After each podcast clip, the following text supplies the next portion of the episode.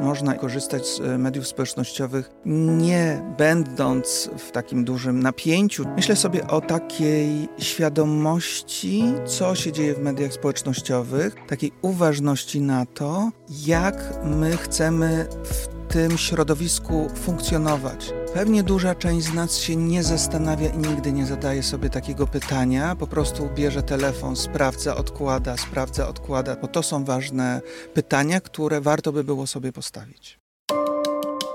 Drogowskazy.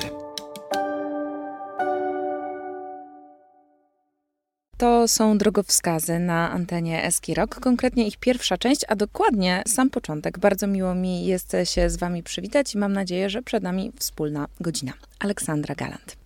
O tym, że media społecznościowe, internet, treści, które się tam znajdują, konsumują bardzo dużo naszego czasu i pochłaniają nas niemal bez reszty, o tym powiedziano już bardzo dużo. Natomiast e, niezmiennie duże wrażenie robią na nas liczby i statystyki. Tak jak już kilkukrotnie rozpoczynając spotkania w drogowskazach mówiłam, liczby i statystyki dają nam takie wrażenie, że coś rzeczywiście jest naprawdę ważne, bo zostało przebadane i stoją za tym konkretne liczby. Tak jest i w tym przypadku. Instytut Badawczy NASK i naukowcy z Uniwersytetu Warszawskiego w 2022 roku przeprowadzili badania, z których wynikło, że co piąty badany nastolatek nie odczuwał FOMO. A cóż to jest to FOMO? FOMO, czyli Fear of Missing Out. Dosłownie można by powiedzieć, że to jest taki lęk przed wypadnięciem z obiegu, lęk przed niebyciem na bieżąco. Ten temat zostanie dzisiaj rozwinięty, bo to właśnie FOMO, ale też taki lepszy odpowiednik tego zjawiska, czyli JOMO lub jak niektórzy powiedzieliby JOMO, będą bohaterami dzisiejszego spotkania. A będzie o nich mówił pan Igor Rodberg, psycholog, psychoterapeuta i psychotraumatolog, który przyjął zaproszenie do dzisiejszego spotkania i zgodził zgodził się na te tematy porozmawiać. Witam w drogowskazach. Dzień dobry, dzień dobry pani, dzień dobry państwu. Jak jest z tym FOMO? Co to właściwie jest? FOMO to jest taki lęk, żeby odejść od komputera, czy lęk przed tym, że te treści, które tam są, nas ominą? Czego my się boimy, odczuwając czy cierpiąc z powodu tego syndromu? FOMO zostało pierwszy raz określone w 2000 roku w artykule Dana Hermana właśnie pod tym tytułem The Fear of Missing Out i opisuje taką tendencję, czy odwołuje się do takiego pragnienia bycia na bieżąco z wszystkimi informacjami. Za tym stoi taka obawa, że ważne informacje będą uciekać, że się czegoś nie dowiemy, a w związku z tym nie weźmiemy udziału w jakichś ważnych dla nas wydarzeniach, nie dostaniemy informacji o jakimś ważnym spotkaniu, nasi znajomi będą się gdzieś bawić, a my nie będziemy w tym uczestniczyć. To jest taki lęk przed nieuczestniczeniem, nieuczestniczeniem w, no właśnie, pewnych wydarzeniach, a za tym stoi potrzeba akceptacji, potrzeba przynależności do grupy. To są nasze bazowe potrzeby, w związku z tym nie zostały wymyślone czy stworzone teraz, one są z nami od zawsze, natomiast technologia czy rozwój technologii, rozwój cyfryzacji dały nam pewne narzędzia, za pomocą których możemy te potrzeby realizować w zasadzie 24 godziny na dobę. Jest to trochę przerażające, natomiast no, hipokryzją byłoby stwierdzenie, że mnie ten problem w żadnym stopniu nie dotyczy. Te media społecznościowe to jest również coś, z czego ja w życiu korzystam. Natomiast mam wrażenie, że kiedy się czegoś boimy, to nie tylko boimy się tego czegoś, ale konsekwencji, jakie to niesie. Na przykład boimy się nie tyle ognia, ale tego, że się poparzymy, że będzie bolało, że się stanie krzywda. No więc tutaj boimy się, że nie będziemy uczestniczyć w jakimś życiu, w życiu towarzyskim, na przykład e, naszych znajomych. No właśnie, bo jeżeli nie będziemy w nim uczestniczyć, to co?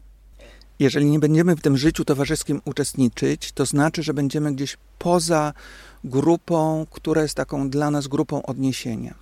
Albo, że nie będziemy mieli informacji na temat ważnych rzeczy, w związku z tym jest taka obawa przed konsekwencjami, czyli przed tym, że ominą nas ważne informacje i nie weźmiemy udziału w czymś i w związku z tym stanie się coś złego. Na przykład będzie informacja, że należy natychmiast, nie wiem, kupić dany produkt, a my się spóźnimy i ten produkt zostanie sprzedany, albo że będzie jakieś wydarzenie, na którym potem nasi znajomi będą się dzielili, że och, jakie fantastyczne wydarzenie, podczas gdy my nie będziemy uczestniczyć, ponieważ ominie nas ta informacja. Czyli to jest związane z jakimiś nieprzyjemnymi konsekwencjami, przynajmniej tak sobie o tym myślimy świadomie lub nieświadomie, że będzie coś nieprzyjemnego, że będziemy jakoś wykluczeni. A teraz wykluczenie dla ludzi, zwłaszcza wykluczenie od grupy, do której aspirujemy, czy do, z którą się identyfikujemy, jest bardzo trudne. I to jakiś ma kontekst też biologiczny,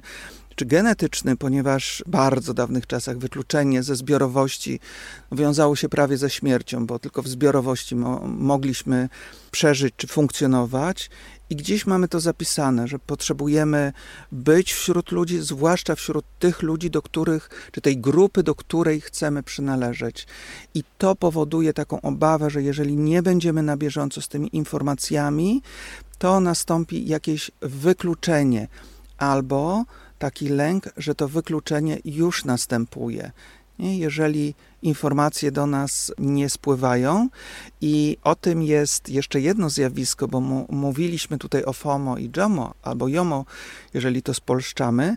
Natomiast jest jeszcze MOMO, czyli Mystery of Missing Out. To jest rodzaj takiego paranoicznego myślenia, taki niepokój, że kiedy znajomi nie zamieszczają wpisów, to być może bawią się gdzieś w jakimś miejscu i nie mają na to czasu, a nas tam nie ma. Aż tak? To aż może tak. aż tak eskalować? Może być też w ten sposób, że być może oni nie zamieszczają wpisów, bo nas nie chcą w tej grupie. To jest ten lęk, że jak nie ma wpisów od znajomych, to być może dzieje się coś niepokojącego. I jeszcze jedno zjawisko, czyli 4G, Fear of Joining In, czyli taki lęk przed dołączeniem do biegu wydarzeń, szczególnie na portalach społecznościowych, czyli lęk, że zamieszczone tam przez nas zdjęcia, posty, komentarze nie spotkają się z pozytywną reakcją, z zainteresowaniem. W za mało tym, lajków. Za mało lajków albo nie będzie lajków. Więc znam osobiście takie osoby, które mówią, nie, to ja wolę nie umieszczać w takim razie postów, bo boję się, że jak nie będzie lajków, to to będzie tak, tak przykre, że w takim razie nie chcę tego umieszczać targają mną trochę sprzeczne emocje i wrażenia, bo na początku sobie z, z, lekkim uśmiechem pomyślałam, że te nazwy trochę nas wprowadzają jakby do Doliny Muminków. FOMO, MOMO, e, Jomo, Jomo, Foji, tego jest bardzo dużo. Mówiąc szczerze, im dłużej pan mówił, tym bardziej rosło we mnie przerażenie, że media społecznościowe i to, co tam publikujemy, wywołuje tyle lęku w nas, że to już nie jest kwestia tego, że na przykład zostanę zbesztany w komentarzu, no bo zbesztanie gdziekolwiek jest po prostu przykre, ale za tym jest cała strategia związana z tym, jak ja się w tych mediach społecznościowych zachowuję. A to jest tym bardziej niepokojące, że z tego, co wyczytałam, znowu statystyki, 32% nastolatków, ale myślę, że to nie musi wcale dotyczyć tylko ich, zaczyna swój dzień od wyciągnięcia telefonu i sprawdzenia, co tam się dzieje w tych mediach społecznościowych. To znaczy, że ten dzień mogą zacząć od tego lęku. Mhm. Myślę też, że nie wiem jaka liczba, ale myślę, że spora część kończy dzień również. Ostatnią rzeczą, która widzi, są media społecznościowe. Wtedy wyłącza telefon i kładzie obok. Więc tak, media społecznościowe mogą być takim środowiskiem, które nie chcę powiedzieć, że generuje, bo to, że ten lęk jest generowany, to jest zależne od nas. Można i będziemy pewnie o tym mówić, korzystać z e, mediów społecznościowych nie będąc w takim dużym napięciu, czy nie doświadczając tych zjawisk, o których mówimy. Natomiast rzeczywiście jest tak, że myślę sobie o takiej świadomości, co się dzieje w mediach społecznościowych, takiej uważności na to, jak my chcemy w tym środowisku funkcjonować. Pewnie duża część z nas się nie zastanawia i nigdy nie zadaje sobie takiego pytania. Po prostu bierze telefon, sprawdza, odkłada, sprawdza, odkłada, sprawdza ile jest lajków, odkłada, usuwa zdjęcie, gdzie nie ma dużo lajków i funkcjonuje, będąc czy doświadczając właśnie tych zjawisk, ale nie zastanawia się, ok, a jak ja w tych mediach chcę funkcjonować i co ja chcę za pomocą tych mediów społecznościowych realizować w swoim życiu. Bo to są ważne pytania, które warto by było sobie postawić. Zastanawiam się, czy to jest możliwe, bo przecież z tych mediów społecznościowych, no nie chcę powiedzieć, że to jest bezrefleksyjne korzystanie, ale mam wrażenie, że korzystamy z nich, bo one są i bo wszyscy z nich korzystają. No, no, no każdy tam jest. Każdy tam jest. Myślę sobie, że każdy może być na różny sposób. Można korzystać z mediów społecznościowych, chcąc budować swoją markę, można korzystać z mediów społecznościowych, chcąc zapoznawać inne osoby, innych ludzi, a można korzystać, żeby kompensować sobie swoje braki, swoją niską samoocenę, brak poczucia własnej wartości, i wtedy uruchamiają się pewne mechanizmy, które uruchamiają się nie tylko w mediach społecznościowych, one w ogóle zaczynają działać, kiedy właśnie kompensujemy pewne braki. No i tutaj pewnie dochodzi do tych zjawisk, o których teraz rozmawiamy. Wróćmy zatem do FOMO, czyli tego lęku przed, no właśnie, jak to tak skrótowo można powiedzieć, lęk przed byciem Tym, poza, poza Lęk przed tym, że coś nas ominie, lęk przed tym, że nie będziemy na bieżąco z tak. informacjami. Czym ten lęk przed tym, że nie jesteśmy na bieżąco z informacjami, z tym, co u naszych znajomych, czym to się objawia? Kiedy może się zapalić jakaś czerwona lampka odnośnie siebie albo osób w najbliższym otoczeniu? Co może zaniepokoić? Mhm.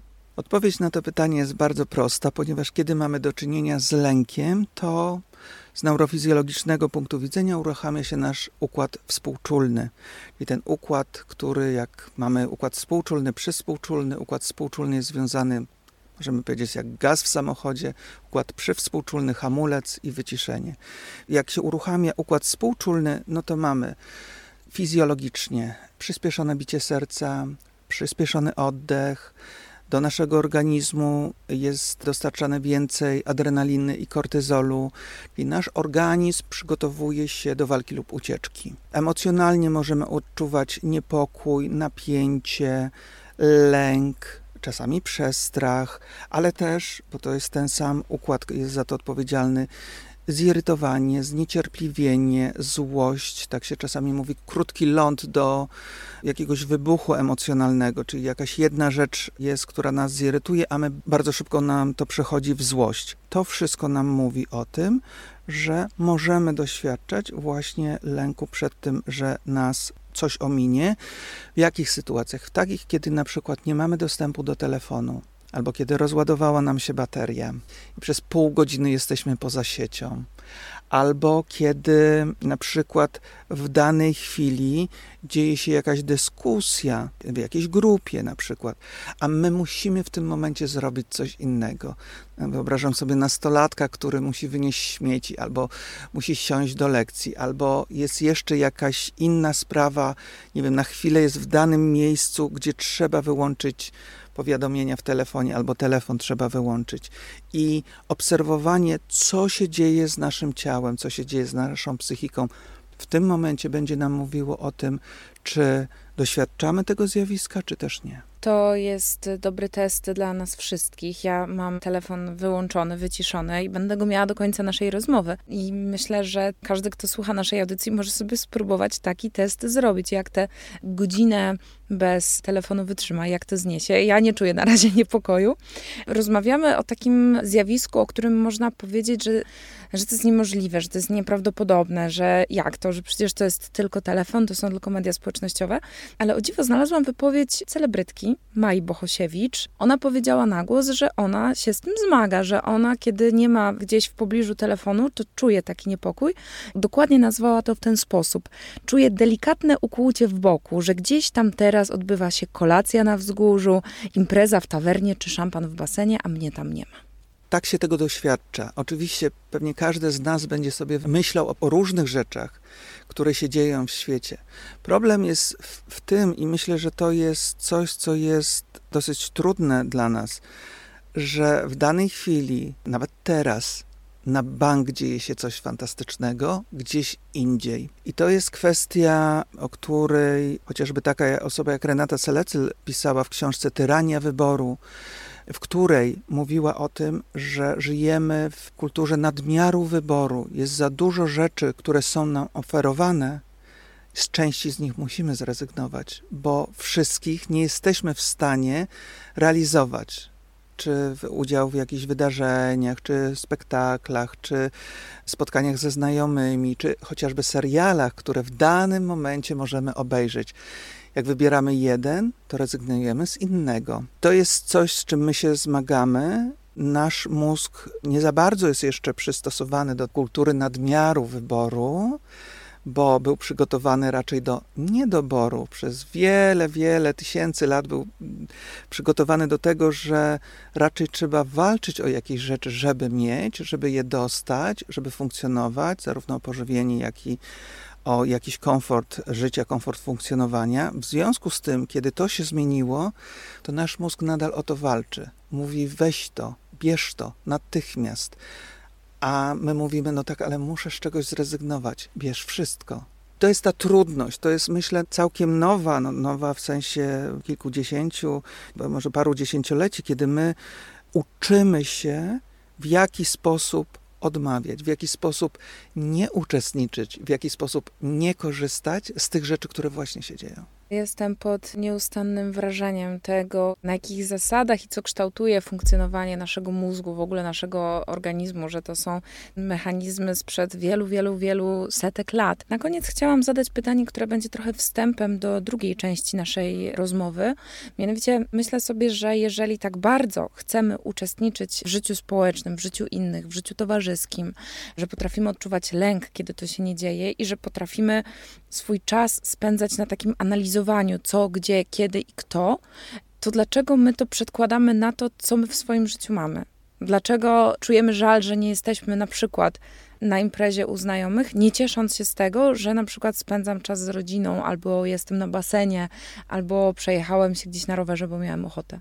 Być może dlatego powiem przewrotnie, że trawa u sąsiada jest bardziej zielona i że wszędzie dobrze tam, gdzie nas nie ma. I to jakoś stwarza taką sytuację, że prawdopodobnie tam gdzieś jest lepiej. A tu się włącza aspekt ocenny sytuacji, bo my stale coś oceniamy, co jest lepsze, co jest gorsze, albo zakładamy, że takie jest. I z tą odpowiedzią, z tą refleksją Was na moment e, zostawimy. Myślę, że to jest dobry moment, żeby zakończyć pierwszą część naszego spotkania. Przed nami są jeszcze dwie. Myślę, że uogólniając trochę to, o czym rozmawiamy, mogłabym powiedzieć, że tematem jest to, jak na nas wpływają media społecznościowe, dostępność informacji, to jak reagujemy, kiedy do nich dostępu nie mamy. I o tym wszystkim opowiada dzisiaj Igor Rodberg, psycholog, psychoterapeuta i psychotraumatolog. Za chwilę zajmiemy się czymś trochę trudniejszym, ale na pewno bardziej optymistycznym i bardzo wartościowym. Dlatego mam nadzieję, że zostaniecie z nami, zostaniecie z drogowskazami i zostaniecie z Eską Rock. Do usłyszenia, Aleksandra Galant. Drogowskazy. Rozmowy o życiu. Zgodnie z zapowiedzią, bo też nie mogłoby być inaczej, drogowskazy wracają na antenę Eski Rock. Mam przyjemność przywitać się z Wami po raz drugi. Ja się nazywam Aleksandra Galant, a co ważniejsze, po raz drugi mam wielką przyjemność powitać w naszym radiowym studiu pana Igora Rodberga, psychologa, psychoterapeutę i psychotraumatologa, który do tej pory tłumaczył, mówił, co wiąże się ze zjawiskiem FOMO, czyli lękiem przed niebyciem na bieżąco, lękiem przed tym, że coś, jakieś informacje nas omijają. Teraz zmienimy literkę, F zmienimy na J i dlatego niech pierwsze moje pytanie dotyczy tego, czy mówimy JOMO czy JOMO. JOMO z polskiego, JOMO bardziej z angielskiego. Myślę, że obie formy są tutaj dostępne, też jest tak z, z, różnymi innymi określeniami.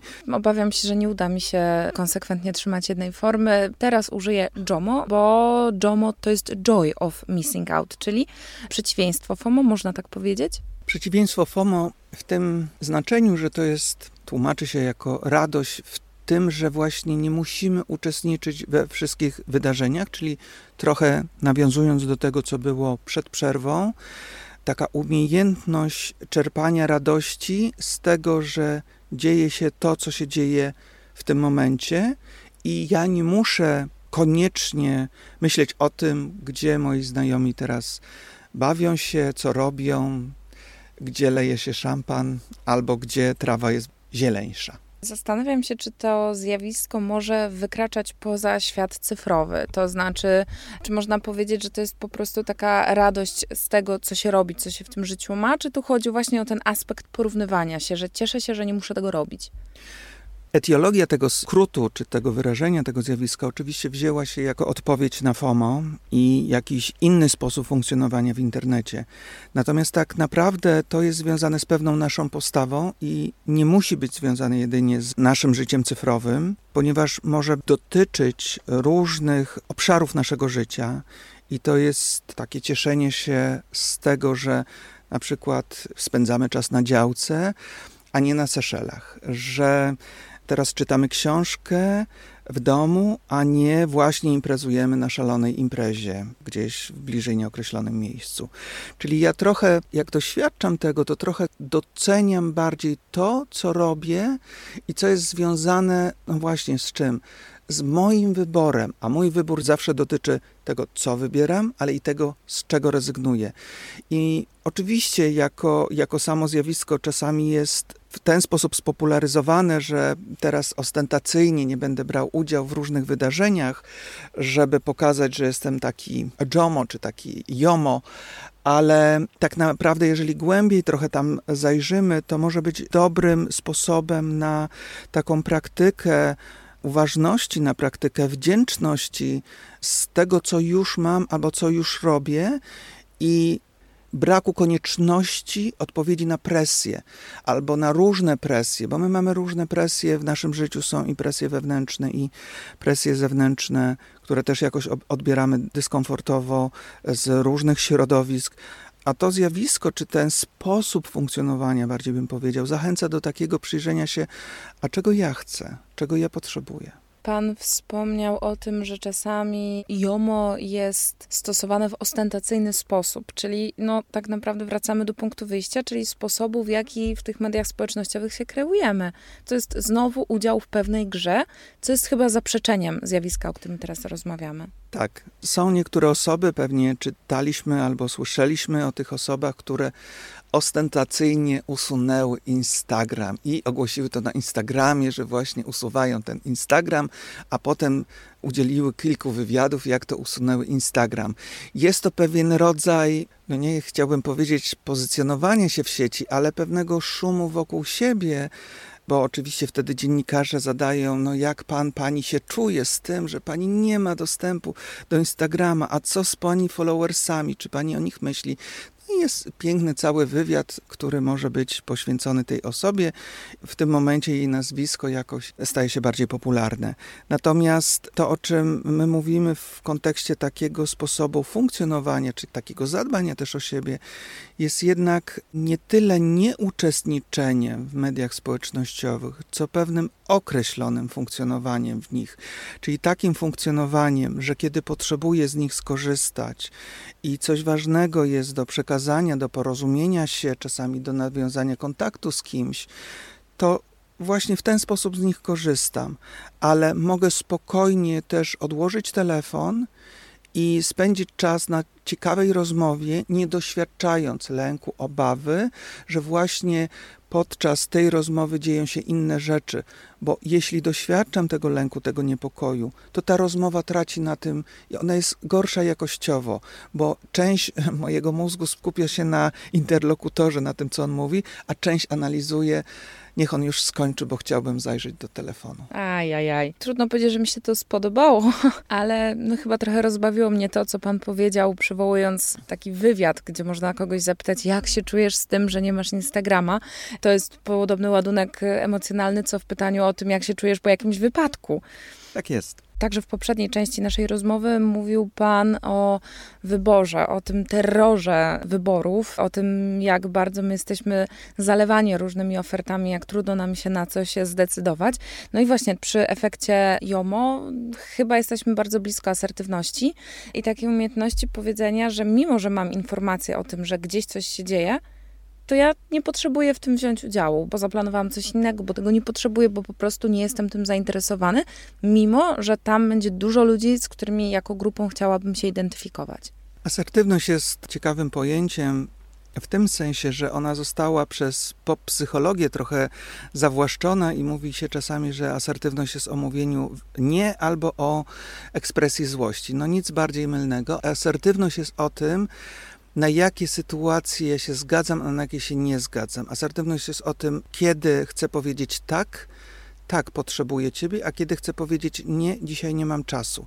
Czyli ona jest zarówno o mówieniu tak, jak i o mówieniu nie, a dodatkowo jakbyśmy poszli dalej w rozwinięcie tego terminu, to jest o takim mówieniu tak i takim mówieniu nie, które nie rani mnie ani innych. Więc Zastanawiając się nad tym, czy asertywność tutaj rzeczywiście gra rolę, tak jak najbardziej, bo ona jest związana z świadomością tego, czego na dany moment potrzebuję, a czego nie potrzebuję, co jest dla mnie ważne, a co jest nieważne. Czy ja potrzebuję mieć kontakt ze sobą, z czym? Z własnymi uczuciami, pragnieniami, potrzebami, marzeniami, myślami, reakcjami z ciała, najlepiej jeszcze. Czyli taka duża uważność na siebie, co w dzisiejszych czasach jest dosyć trudne, w czasach, które wymagają od nas pędzenia i szybkiego załatwiania spraw. Natomiast jeżeli mamy taki kontakt ze sobą i możemy powiedzieć: OK, dzisiaj się dzieje bardzo fajna impreza, będzie tam dużo moich znajomych, ale jednocześnie jest to taki moment, kiedy jestem po całym tygodniu, jestem bardzo zmęczony i dla mojego ciała i mojej psychiki fajnie by było zostać w domu, posiedzieć, chwilę odpocząć i dostarczyć sobie minimalnej liczby bodźców. Wiem, że jak pójdę na taką imprezę, to ona mnie przestymuluje. W związku z tym ani moja psychika, ani moje ciało nie odpoczną. Aha, w takim razie rezygnuję z tej imprezy. Co się dzieje dalej? Dzwoni jedna przyjaciółka, jeden przyjaciel. Hej, dlaczego ci nie ma? Przyjdź, wiesz jak tu jest fajnie? I jeszcze przyszedł XY i jeszcze się pojawiła, wiesz, ta dawna twoja niewidziana znajoma, przyjdź. Wymaga to od nas dużego samozaparcia i takiego kontaktu mocnego ze sobą, żeby powiedzieć: hej, fajnie, cieszę się, że się bawicie, to jest super impreza.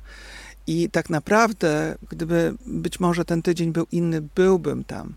Ale wiecie co, zostanę w domu z książką to jest pewien rodzaj też takiej odwagi cywilnej. O to miałam zapytać, albo na to zwrócić uwagę, że jesteśmy w takim momencie, że to jest pewien rodzaj cywilnej odwagi, żeby powiedzieć, że ja mam ochotę na coś innego, w dodatku skonfrontować się z tym, że być może zostaniemy potraktowani jak nudziarze albo gubury, którzy nad fajną imprezę wybierają książkę w domu, w sobotę wieczorem. Tak, dokładnie tak. I teraz idziemy dalej, jak już jesteśmy coraz głębiej. Idziemy dalej. Pytanie jest, co nam robi to, że ktoś nas tak oceni. Czy to jest o nas, czy to jest o nim. Bo być może to jest tylko o tym, że on w ten sposób nas postrzega, no bo ma takie schematy myślowe, że jak ktoś nie imprezuje w piątki, no to na pewno jest po prostu maksymalnym nudziarzem. Ale czy to jest o nas? Być może o nas mówi to, że my umiemy dbać o siebie a w związku z tym, jak umiemy dbać o siebie, to być może też umiemy dbać o innych. I to o nas mówi, że wybieramy książkę po bardzo trudnym tygodniu, co nie znaczy, że my w ogóle rezygnujemy z imprez, tylko właśnie ten moment jest taki, że decydujemy się na inne spędzenie czasu. Oczywiście to również się wiąże z tym, jak my funkcjonujemy z daną grupą znajomych i czy ta dana grupa znajomych wywiera na nas presję. I tak jest na przykład w przypadku jeśli chodzi o nastolatków, ponieważ u nastolatków rozwój społeczny, społecznych więzi jest bardzo ważny. 11, 12, 13 rok życia, wtedy się zaczyna budować bardziej relacje z grupą odniesienia, z grupą rówieśniczą niż z rodzicami. To już jest moment, kiedy rodzice to, co mieli do zrobienia, to już zrobili i teraz rówieśnicy stają się autorytetami, rodzice tracą autorytet. Bardzo trudny moment chyba w życiu rodzinnym. Absolutnie trudny moment. Czasami w gabinecie rozmawiam z takimi rodzicami i jestem z nimi empatycznie z tym, że to jest właśnie ten moment utraty tej korony, utraty tego, że teraz to, co rodzic powie, to już nie jest tak istotne. I te grupy rówieśnicze wywierają bardzo dużą presję, ponieważ jeżeli grupa rówieśnicza w tym momencie nas odrzuca, to z punktu widzenia psychologicznego, z punktu widzenia emocjonalnego, może wiązać się to z doświadczeniem traumy, która potem skutkuje różnymi negatywnymi efektami w życiu dorosłym. Jeżeli ta grupa rówieśnicza zastosuje wobec danej osoby ostracyzm społeczny i powie: Nie, ty nie jesteś z nami, ty jesteś poza nami, my ciebie nie chcemy. To ten moment jest niezwykle trudny, dlatego jak mówimy o FOMO i mówimy o nastolatkach, to prawdopodobnie to zjawisko jest tutaj bardziej obecne, ponieważ oni chcąc być w tej grupie, w jakiejś grupie, w grupie, do której chcą przynależeć. Wiadomo, że w danej klasie są różne grupy odniesienia Natomiast jeżeli chcemy być w danej grupie i ta grupa nas odrzuca, to to jest niebywały dyskomfort dla młodej osoby. Ona traci coś, co jest dla niej w tym momencie taką bezpieczną bazą. Do rodziców już za bardzo nie może się zwrócić, bo to jest etap właśnie buntu i naporu i oddzielania się od rodziców, czyli takiego budowania swojej tożsamości, gdzie jest ja, a gdzie jest nie ja. Rodzice są nie ja, w związku z tym ja potrzebuję się od nich oddzielać. A jak grupa mnie zaczyna odrzucać, z którą ja buduję swoją tożsamość, to zostaję sam i to doświadczenie samotności, zwłaszcza w tym wieku, jest bardzo dojmujące. Zaczęliśmy od rozmowy na temat mediów społecznościowych, a kończymy właściwie na traumie, która może dotknąć osoby w okresie dojrzewania, tak na dobrą sprawę. To oznacza, że za tym, co mówimy, jest też taka przestroga, żeby bardzo uważać na to, co piszemy, co publikujemy, jak reagujemy. Wszystko może być bardzo dotkliwe, ale rozmawialiśmy dosyć sporo właśnie o różnych zjawiskach. Mam nadzieję, że w kolejnej części naszego spotkania zgodzi się Pan porozmawiać o tym, co robić, kiedy się je u siebie zauważy, jak pewne mechanizmy uruchamiać, a jak inne wyciszać. I o to będę pytała pana Igora Rodberga, psychologa, psychoterapeutę i psychotraumatologa, z którym rozmawiamy dzisiaj o zjawiskach FOMO, JOMO lub jak może ktoś woleć JOMO. Kilka innych także się pojawiło, ale z pewnością te dwa to główni bohaterowie tego spotkania. Zgodnie z tym, co powiedziałam, mam nadzieję, że słyszymy się już za kilka chwil w drogowskazach na antenie Eski Rock. Do usłyszenia, Aleksandra Galant. Drogowskazy. Rozmowy o życiu. Przed nami finał dzisiejszego spotkania w drogowskazach na antenie Eski Rock. W naszym studiu skład pozostaje niezmienny. Ja się nazywam Aleksandra Galant, a waszym i moim gościem jest dzisiaj pan Igor Rodberg, psycholog, psychoterapeuta i psychotraumatolog, z którym rozmawialiśmy o zjawiskach, które wiążą się z naszym funkcjonowaniem w internecie i tym, jakie lęki może to wywoływać lub nie. To wszystko zależy od nas. No i właśnie, mam nadzieję, że teraz zajmiemy się tym, jak pewne sposoby sposoby myślenia i odbierania tego, co się w tym internecie dzieje, w sobie wypracować, ale przed momentem pan Rodberg zaproponował, zwrócił uwagę na to, że można próbować funkcjonować poza mediami społecznościowymi, ostentacyjnie lub nie, ale po prostu ich nie mając, ale zdecydowanie trudniejsze jest nauczenie funkcjonować się w sposób, który dla nas i pewnie też osób w naszym najbliższym otoczeniu jest dużo korzystniejszy takie porzucenie zupełnie mediów społecznościowych, czy funkcjonowanie w kontekście y, internetu i, i korzystania z internetu w telefonie, myślę, że może być jednak jakąś formą ucieczki, ucieczki od tego, jaka jest rzeczywistość. Przypomnę tylko, że coraz częściej się mówi, że podział na świat wirtualny i realny, czy podział na offline i online jest tak naprawdę anachronicznym podejściem, że mówi się coraz bardziej o takim hybrydowym świecie, gdzie te dwa obszary wzajemnie się przenikają, wpływając na siebie. Była kiedyś taka kampania Wyloguj się do życia, skądinąd miała ciekawe założenia. Natomiast wydaje mi się, że aktualnie nie jesteśmy w stanie wylogować się do życia, wylogowując się z sieci. Natomiast możemy lepiej lub gorzej funkcjonować w tym świecie zacierającego się podziału, w tym świecie hybrydowym, w którym ta rzeczywistość wirtualna i realna są ze sobą, myślę, że już bardzo mocno połączone. Od czego w takim razie zacząć? To znaczy, wyobrażam sobie, że sytuacje są dwie, że po prostu chcemy trochę inaczej zacząć korzystać z tych mediów społecznościowych, a druga jest taka, że zauważamy u siebie już na przykład te niepokojące objawy, o których Pan wspominał, jakieś rozdrażnienie, to, że na przykład trzygodzinny lot samolotem jest dla nas źródłem ogromnej frustracji, bo to jest czas, kiedy tego telefonu nie możemy kontrolować. Jak do tego wszystkiego podejść? Mhm. No myślę, że tutaj są różne sposoby. Ja powiem o kilku, które wydają mi się w miarę sensowne. Czasami pojawia się w nas taka chęć odcięcia się od wszystkich mediów społecznościowych, wyjechania w Bieszczady, czy gdzieś jeszcze... Rzuć na... wszystko jedź w Bieszczady. Rzuć wszystko, jedź w Bieszczady, albo gdzieś, gdzie nie ma zasięgu ciekawy sposób. Natomiast mnie bardziej interesuje, co się dzieje, jak wracamy. Czy to jest tak, że my się na tydzień odcinamy, ale jak wracamy, to wracamy do starych nawyków? No to nic się nie zmienia tak naprawdę. To Dalej... jeszcze pewnie z większym impetem, bo trzeba nadrobić. Tak jest, wszystko trzeba przejrzeć, cały internet do końca przeczytać. Natomiast ja bym zachęcał do takiej zmiany codziennej, takiej zmiany, która może być stworzona małymi krokami, jednak będzie dotyczyła tych naszych nawyków, które są nam dostępne na co dzień. I tutaj myślę sobie o filtrowaniu informacji, które do nas docierają.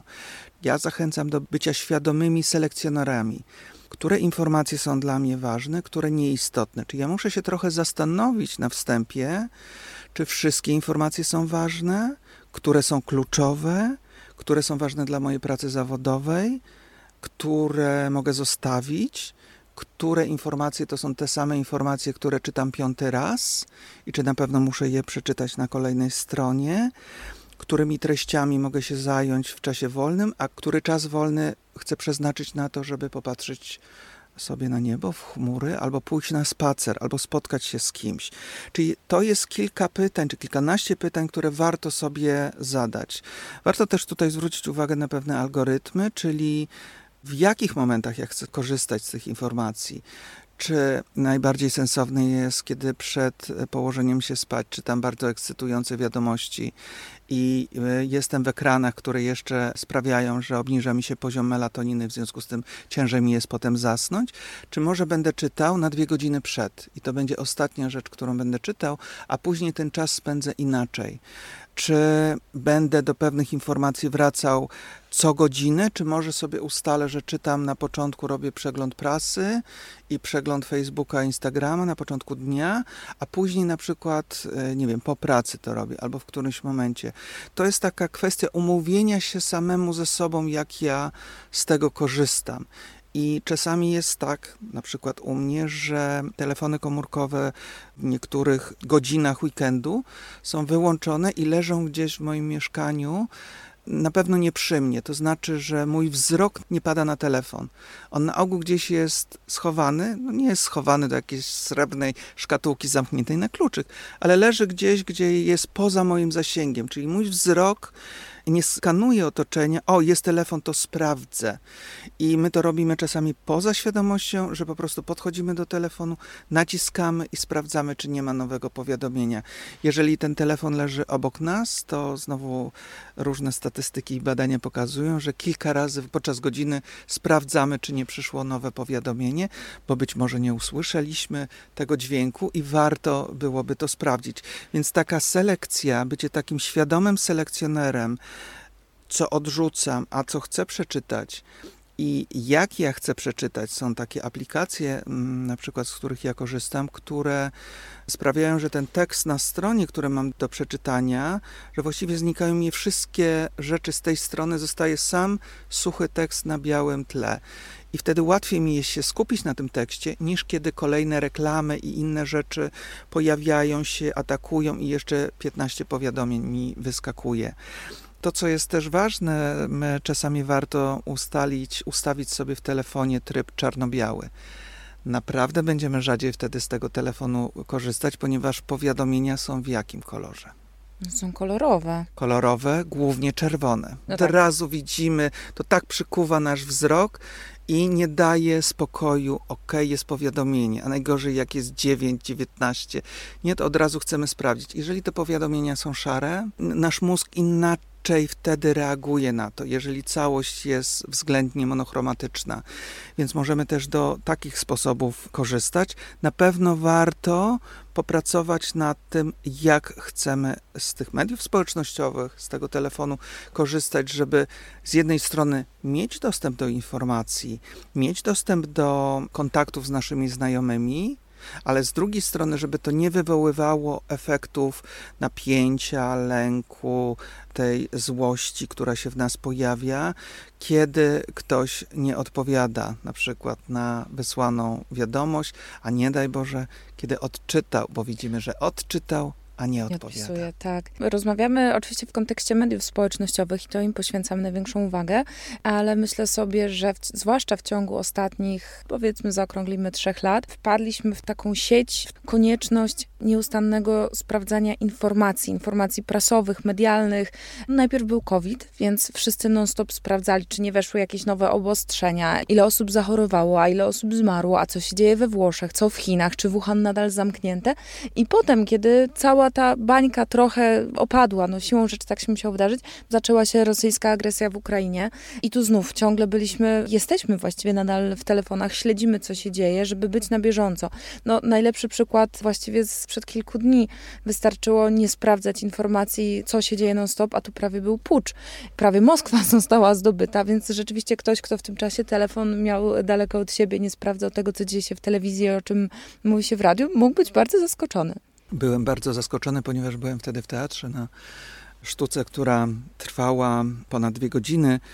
No i telefon miałem wyłączony, nie sprawdzałem i wychodząc z tej sztuki otworzyłem internet i uderzyło mnie ta liczba informacji. I wszystko na czerwono. Absolutnie wszystko na czerwono, czerwone paski, czerwone powiadomienia, layouty czerwone. To, o czym pani mówi, to jest takie zjawisko, które się nazywa doom scrollingiem. Doom scrolling, on bazuje na takiej naturalnej ludzkiej reakcji na zagrożenie. Czyli jest zagrożenie, no to potrzebuje dostarczyć sobie informacji. Natomiast doom scrolling polega na tym, że my przeglądamy internet, czyli scrollujemy, przeglądamy internet w poszukiwaniu negatywnych informacji, żeby się upewnić, czy jesteśmy bezpieczni. I nasz mózg zdecydowanie reaguje na negatywne informacje, i tak został znowu biologia stworzone, żebyśmy mogli przetrwać, to my musimy mieć dostęp do negatywnych informacji jeżeli wychodziliśmy na polowanie, to musieliśmy wiedzieć, czy tam nie ma zagrożenia. W związku z tym rozwinęliśmy trochę ten sposób reagowania, czyli negatywne informacje bardzo szybko przyciągają naszą uwagę i bardzo szybko aktywizują nasz układ nerwowy. Były takie badania, które pokazywały, że po wieczornych wiadomościach około dwie godziny nasz układ nerwowy dochodził do siebie, pomimo że to oglądamy w telewizji Natomiast e, jedna ze struktur w naszym mózgu, czyli ciało migdałowate, ani nie ma stempla czasu, ani nie ma rozpoznania, czy to jest telewizja, czy to dzieje się na żywo. Ciało migdałowate ma za zadanie określić, jest bezpiecznie, jest niebezpiecznie. I jak widzimy informacje, że wybuchły kolejne bomby, że spadł samolot, to nasze ciało migdałowate mówi, jest niebezpiecznie, bezpiecznie. jest niebezpiecznie, jest niebezpiecznie. I my wtedy siedząc przed telewizorem, mamy wyrzut właśnie adrenaliny, kortyzolu. Ponoć badacze mm, mówili, że to jest najgorsze oglądanie telewizji na siedząco wiadomości, ponieważ nie mamy jak w tego spożytkować, a kortyzol i adrenalina po to są do naszych mięśni, żebyśmy mogli albo zaatakować, albo uciekać. W związku z tym to się dłużej w naszym organizmie utrzymuje, jeżeli e, siedzimy, jeżeli cały czas siedzimy, oglądając negatywne wiadomości. I a to dlatego może się mówi, że czasem niektóre emocje trzeba rozchodzić. No tutaj, jeżeli mamy do czynienia właśnie z reakcją na negatywne negatywne wiadomości, warto by było potem chociaż się przejść na spacer albo jakoś to spożytkować, a nie dalej siedzieć, oglądać, ponieważ ten system nerwowy na szczęście ma zdolność autoregulacji, natomiast potrzebuje więcej czasu. I zarówno COVID czy wojna w Ukrainie spowodowały, że doom scrolling, czyli przeglądanie internetu poszukiwaniu negatywnych wiadomości rozwinęło się bardzo, co ma, tak jak ja mówię, zadanie ochronić nas przed tym. Jednak rozwój internetu i dostępność tych informacji jest taka, że możemy popaść w taką właściwie nieustającą chęć przeglądania, bo całego internetu nie przeczytamy i na co szczęście. jakiś czas, na szczęście, i co jakiś czas na informację negatywną możemy trafić. I tutaj potrzebujemy rozwijać mięsień naszej silnej woli do tego, żeby w którymś momencie powiedzieć stop, nie robię tego, ok, i z czym ja się mierzę, bo tu się mierzymy z taką trudną rzeczą, która myślę jest ważna, warto o nią dbać, czyli umiejętność pomieszczania w sobie wytrzymywania niepewności, czyli tego, że ja nie wszystko wiem, a jednak mogę nadal dobrze funkcjonować to na koniec naszego spotkania chciałabym e, zapytać, poprosić o podpowiedź, kiedy powinniśmy skorzystać z pomocy psychologa. Bo po pierwsze, chyba często mamy takie wrażenie, że to jest drobiazg, poradzę sobie z tym sam, zrobię to samemu, albo w ogóle bagatelizujemy, że to, to żadne wielkie halo. A druga rzecz jest taka, że wydaje mi się, że Chyba można po prostu się wstydzić, powiedzieć, że no jak to, ja mam problem z mediami społecznościowymi, co ja się boję Facebooka. Kiedy jest moment, żeby stwierdzić, że jednak ta pomoc jest potrzebna, albo że nie poradzę sobie z tym sam czy sama? Myślę, że to są takie momenty, czy takie sytuacje, kiedy obserwujemy, że to, co się z nami dzieje, nie musimy tego nazywać, nie musimy tego nazywać tymi skrótowcami, o których na początku tutaj mówiliśmy, że to wpływa na pogorszenie jakości w jednym lub kilku obszarów naszego życia. Pogorszenie jakości wykonywania naszej pracy, pogorszenie jakości relacji mm, społecznych, ale też pogorszenie snu, dołączają się do tego inne zaburzenia czy inne objawy, napady lęku, paniki, być może jakieś objawy z ciała, takie jak chroniczne bóle, chroniczne napięcie, chroniczne zmęczenie. Warto wtedy się zgłosić czy do lekarza, czy do psychiatry, czy do psychologa, czy do psychoterapeuty. I jeśli chodzi o wstydzenie się, to naprawdę my, terapeuci, z tak wieloma rzeczami się spotykamy, że ostatnią rzeczą, którą bym podejrzewał terapeutów, to jest to, że będziemy jakoś oceniać kogoś, kto trafia do nas poszukując pomocy. Raczej będziemy cieszyć się, że ta osoba podjęła taką decyzję, wykazała się jakąś odwagą, bo pójście do terapeuty to jest czasami też wykazanie się odwagą, żeby podzielić się jakąś trudnością, z którą się zmaga. Być może to znowu nie będzie to jakaś duża trudność i też czasami trafiają do nas osoby zaniepokojone czymś, a my wtedy normalizujemy, mówimy tak, no tak działa umysł, to nie jest nic strasznego, można z tym funkcjonować. W związku z pewnymi informacjami czy, czy poradnikami, które ta osoba przeczytała, że skoro ona tak funkcjonuje, to na pewno jest psychicznie chora i my wtedy możemy to normalizować, ale warto to sprawdzić, warto czasami porozmawiać ze specjalistą, czy to, czego doświadczam, wymaga terapii, być może wymaga jakiegoś prostego zmiany nawyku i tyle. Bardzo się cieszę, że Pan e, o tym wszystkim powiedział. Rozwiał też wątpliwości związane z wizytą psychologa czy psychoterapeuty, bo mimo, że to się zmienia, to nadal mam wrażenie, że to jest pewnym wyzwaniem. Potrafimy chodzić do różnych innych specjalistów, ale jednak psychologowie i psychoterapeuci nadal na tej liście nie są, choć są chyba coraz bliżej. Bardzo Panu dziękuję, że przyjął Pan zaproszenie, opowiedział o tych wszystkich zjawiskach, które dotyczą naszej obecności w internecie i się tą wiedzą podzielił. Dziękuję za zaproszenie i dziękuję Państwu za uwagę. Waszym i moim gościem był dzisiaj pan Igor Rodberg, psycholog, psychoterapeuta i psychotraumatolog. Nasza rozmowa jest już dostępna nomen omen w sieci. Teraz czuję się trochę niezręcznie, zachęcając Was do tego, by po nią sięgnąć, skoro tyle mówiliśmy o tym, jak internet, jak media społecznościowe na nas wpływają, ale wydaje mi się, że to akurat zalicza się do kategorii mądrego korzystania z internetu. Możecie tej rozmowy szukać na YouTubie i na Spotify. Do Waszej dyspozycji są adresy mailowe mailowe drogowskazy małpa skrok.pl, a także agalant małpa grupa zpr.pl. To jest już wszystko na dzisiaj. Ta rozmowa dobiegła końca. Mogę się tylko pożegnać i niezmiennie powiedzieć, że mam nadzieję, że słyszymy się już niedługo. Do usłyszenia, Aleksandra Galant. Drogowskazy.